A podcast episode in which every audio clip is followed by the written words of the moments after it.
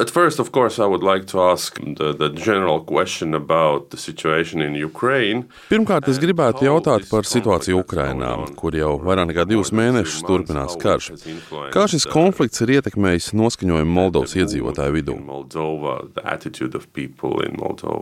Definitely, the war in Ukraine has shocked everybody, and uh, especially Moldova, because it's uh, in the immediate neighborhood of Pilnīgi noteikti. Karš Ukrainā bija šoks visiem, īpaši Moldovai, jo mēs esam tiešie Ukrainas kaimiņi. Tādējādi mēs varam teikt, ka tiek ietekmētas pilnīgi visas dzīves sfēras, sākot ar sociāliem, ekonomiskiem un politiskiem jautājumiem.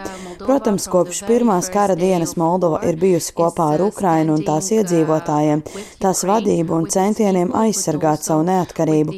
Visu šo laiku Moldovas varas iestādes ir asi nosodījušas karu un Ukrainā novērotās slepkavības. Vienlaikus Moldovā ir aktualizējies arī jautājums par mūsu drošību un ir nācies tam pievērst aizvien lielāku uzmanību. Mēs esam sākuši izvērtēt arī savas spējas sniegt humāno palīdzību bēgļiem no Ukrainas. Ir ļoti grūti viņus saukt par bēgļiem, jo mēs viņus uztveram kā savus kaimiņus, draugus un radiniekus, un tāpēc Moldovas iedzīvotāji Ukraiņus uzņēma ar plašu sirdi. Lielāko daļu bēgļu uzņem tieši vienkāršie iedzīvotāji.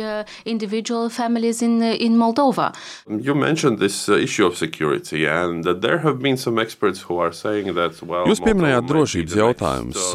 Ir eksperti, kur uzskata, ka Moldova varētu būt nākamais mērķis, kā galvaspilsētas Kišņevs aizsardzība turpinātos vien divas stundas. Un tieši tāda pati retorika savulaik izskanēja arī par Ukrainu. Taču vai jūsuprāt šādām prognozēm un spekulācijām par to, ka Moldovas aizsardzības spējas ir ļoti zemas, ir pamats?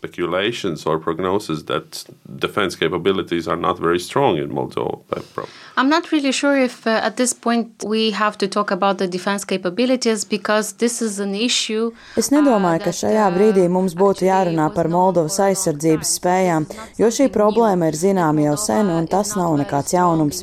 Un tam ir izskaidrojums. Mēs nesen svinējām neatkarības 30. gada dienu, un mums galvenā prioritāte, diemžēl, nav bijusi aizsardzība, bet gan tas, kā pabeigt pāreju uz tirgus ekonomiku kā demokrātiski attīstīt Moldovu.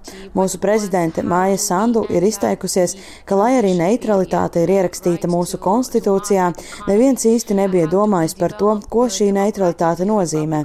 Neutralitāte patiesībā ietver spēcīgu valsts aizsardzību, tāpēc aizsardzības nozīmīgumu mēs sākam pa īstam saprast tikai tagad. Un pat ja mēs par to tagad esam sākuši domāt, nekas nemainīsies dienas laikā. Tajā ir jāinvestē gadiem, taču nekad nekad nav par vēlu sākt šo dialogu. Moldovai ir jāsāk būvēt savus aizsardzības sektors, kas ļaus valstī sevi aizsargāt gadījumā, ja situācija mainās. Um, the situation, the security situation will change.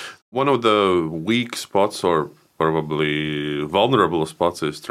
Viens no uh, vājajiem un ievainojamiem punktiem ir Piedņestras teritorija, kurā ir izvietota Krievijas spēki. Ir uh, izskanējuši minējumi, ka Piedņestru varētu izmantot kā placdarmu turpmākiem uzbrukumiem Ukrainai no rietumiem. Taču es arī lasu, ka arvien vairāk Piedņestras vīriešu bēg uz Moldovu, cenšoties izvairīties no iespējamās mobilizācijas. Vai jūsuprāt, karš Ukrainā var izmainīt Piedņestras attieksmi pret pārējo Moldovu un veicināt ekonomisko sadarbību, vai varbūt motivēt iedzīvotājus tuvināties Moldovai? For more towards Moldova. How do you think these relations will change? Yeah, definitely. I was, uh, you know, that we are using the term Transnistria and Moldova only in negotiations. Jēdzienus uh, Moldova un Piedņestra mēs izmantojam tikai oficiālās sarunās, bet mēs dodam priekšroku jēdzienam Piedņestras reģions vai Dņestras upes kreisais krasts. Es teiktu, ka šī situācija ir nedaudz mainījusi situāciju Piedņestrā, jo karu un mirt nevēlas neviens. Arvien vairāk Piedņestrā dzīvojošo Moldovas iedzīvotāju, kuriem līdz šim nebija Moldovas pilsonības, Tagad sāk aizvien biežāk tai pieteikties. Dažu nedēļu laikā šis pieaugums ir dramatisks. Tā ir zīme, ka šie cilvēki nevēlas doties uz Krieviju un neredz Krievijas federāciju kā glābiņu, bet kā glābiņš no kara tiek uztvērta tieši Moldova. Tas mums dod cerību, ka Piedņestras iedzīvotāji sāks apzināties, cik sarežģīta ir situācija un ka Krievija nebūs tas īstais glābējs. Pat separātistu līderi ir izteikušies, ka nevēlas iesaistīties šajā karā un vēlas saglabāt mieru.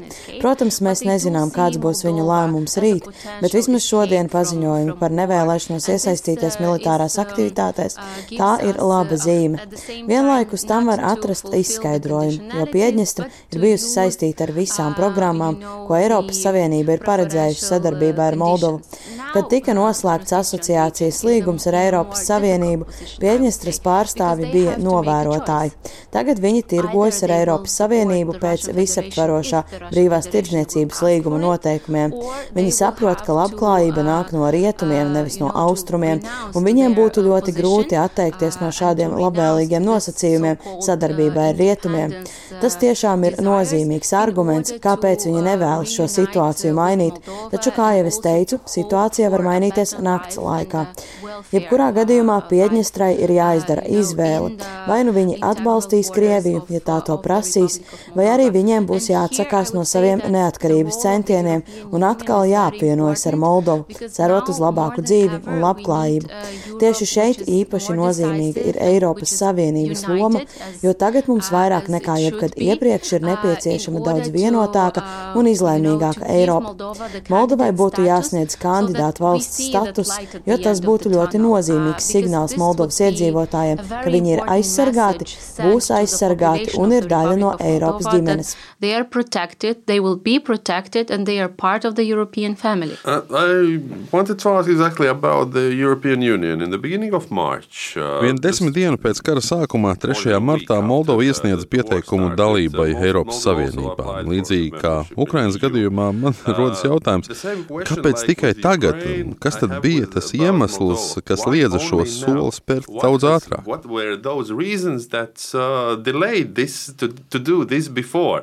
Yes, argument, uh, es šo argumentu dzirdu no dažādiem avotiem. Moldova jau gadiem ir paudusi savu vēlmi pieteikties dalībai Eiropas Savienībā, taču daudz kas ir atkarīgs arī no tiem signāliem, kas tika saņemti no ārpuses. Paziņojumi, ka jums ir aktīvāk jāizpilda savi mājas darbi, jāveic reformas, manuprāt, tas viss tikai kavēja pieteikšanos. Atskatoties pagātnē, ir jāsaprot, ka Moldova ir izgājusi vairākus politiskās attīstības posmus. Atcerēsimies, ka vēl salīdzinoši nesen Moldova bija politiski sagrābta valsts, un tas tiešām nebija īstais brīdis Eiropas Savienībai nosūtīt Moldovai signālus par to, ka ir nepieciešams iesniegt pieteikumu kandidātu valsts statusam. Tagad zvaigznes ir sastājušās mums labvēlīgi, jo prezidenta, valdība un parlaments vienbalsīgi iestājās par Eiropas Savienību. Diemžēl mums gan ir arī šis reģionālais aspekts, taču ir licis arī Eiropai padomāt par mūsu nākotni, par to, ka integrācijas pātrināšana var izglābt šīs trīs valstis. Es esmu dzirdējusi arī apgalvojumus, ka mēs iesniedzām pieteikumu tikai tāpēc, ka iesniedz arī Ukraina. Tā gluži nav, jo Eiropeiskā dienas kārtība Moldovā ir bijusi jau ilgi, un mēs par to runājam jau vismaz kopš 2014. gada candidate for joining the European Union. You already mentioned this uh, social Well. Jūs jau uh, pieminējāt sociālos un ekonomiskos aspektus. Eiropa tagad ir secinājusi, ka tā ir bijusi ļoti atkarīga no Krievijas enerģijas avotiem, un nevienam nav noslēpums, ka to pašu var teikt arī par Moldovu. Nav noslēpums, ka Moldova nekad nav bijusi tā bagātākā valsts, un viss prognozē, ka nākamā ziema būs ļoti smaga, tāpēc cik svarīgs ir šis materiālais jautājums vienkāršiem Moldovas iedzīvotājiem? Un vai tas kaut kā ietekmē Moldovas iedzīvotāju attieksmi par labu Eiropas integrācijai vai pret to? Or for pro-European integration or against it. Yes, you are absolutely right. Uh, the economic difficulties do have an impact on the social life, but also on the people's perception. Jums ir taisnība, that, uh, ka ekonomiskās grūtības ietekmē ne tikai ikdienas dzīvi, bet arī iedzīvotāju uztveri. Tāpēc īpaši svarīgi ir uzlabot komunikāciju ar sabiedrību un informēt viņus par notiekošo reģionā, par notikumiem, kas saistīti ar karu, kā arī par valdības izdevumiem izdevumiem, sniedzot palīdzību bēgļiem. Arī Moldovā izskan apgalvojumi, ka valdība vairāk rūpējas par bēgļiem nekā par saviem cilvēkiem, taču tas īsti neatbilst patiesībai. Tā ir dezinformācija, ar kuru iespējams manipulēt un ietekmēt viedokļus. Kopumā cilvēki saprot, kas ir karš un ko nozīmē sniegt palīdzību no kara bēgošiem cilvēkiem. Manuprāt, pirmkārt, valdībai ir nepieciešams cīnīties ar dezinformāciju, jo arī mūsu valstī ir daudz krievalodīgo, kuri dzīvo Krievijas informatīvajā telpā. Otrakārt, ir jāsniedz precīza un korekta informācija par notiekošo. Un visbeidzot, mums ir jābūt uzmanīgiem ar notiekošo valsts iekšēnē, lai nepieļautu valsti destabilizējošas darbības.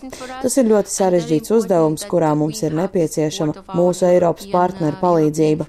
Mūsu prezidenta un varas iestādes ir paziņojušas, ka ik viens, kurš šķērsos Ukrainas Moldovas robežu, saņems nepieciešamo palīdzību, un mēs dalīsimies ar saviem kaimiņiem ar to mazumiņu, kas mums ir. Tāpēc mums šis Eiropas atbalsts ir vajadzīgs. Starp citu, manuprāt, Moldova nekad savas neatkarības laikā nav piedzīvojusi tik daudz augsta līmeņa personu vizīšu skaitu kā tagad. Un tas tikai liek mums piedāvāt šādu pašu atbalstu arī mūsu ukraiņu draugiem. Kad es skatos uz to, kas notiek manā valstī, es jūtos lepni par savu valsti, saviem vadītājiem un saviem cilvēkiem, un man ir grūti iedomāties, kas notiktu citos apstākļos, jo pašlaik Moldovā ir īstie cilvēki īstajās vietās, taču, diemžēl, ļoti sarežģītā laikā. I would say that these are the right people in the right place at unfortunately a very difficult time. Okay, thank you. Paldies!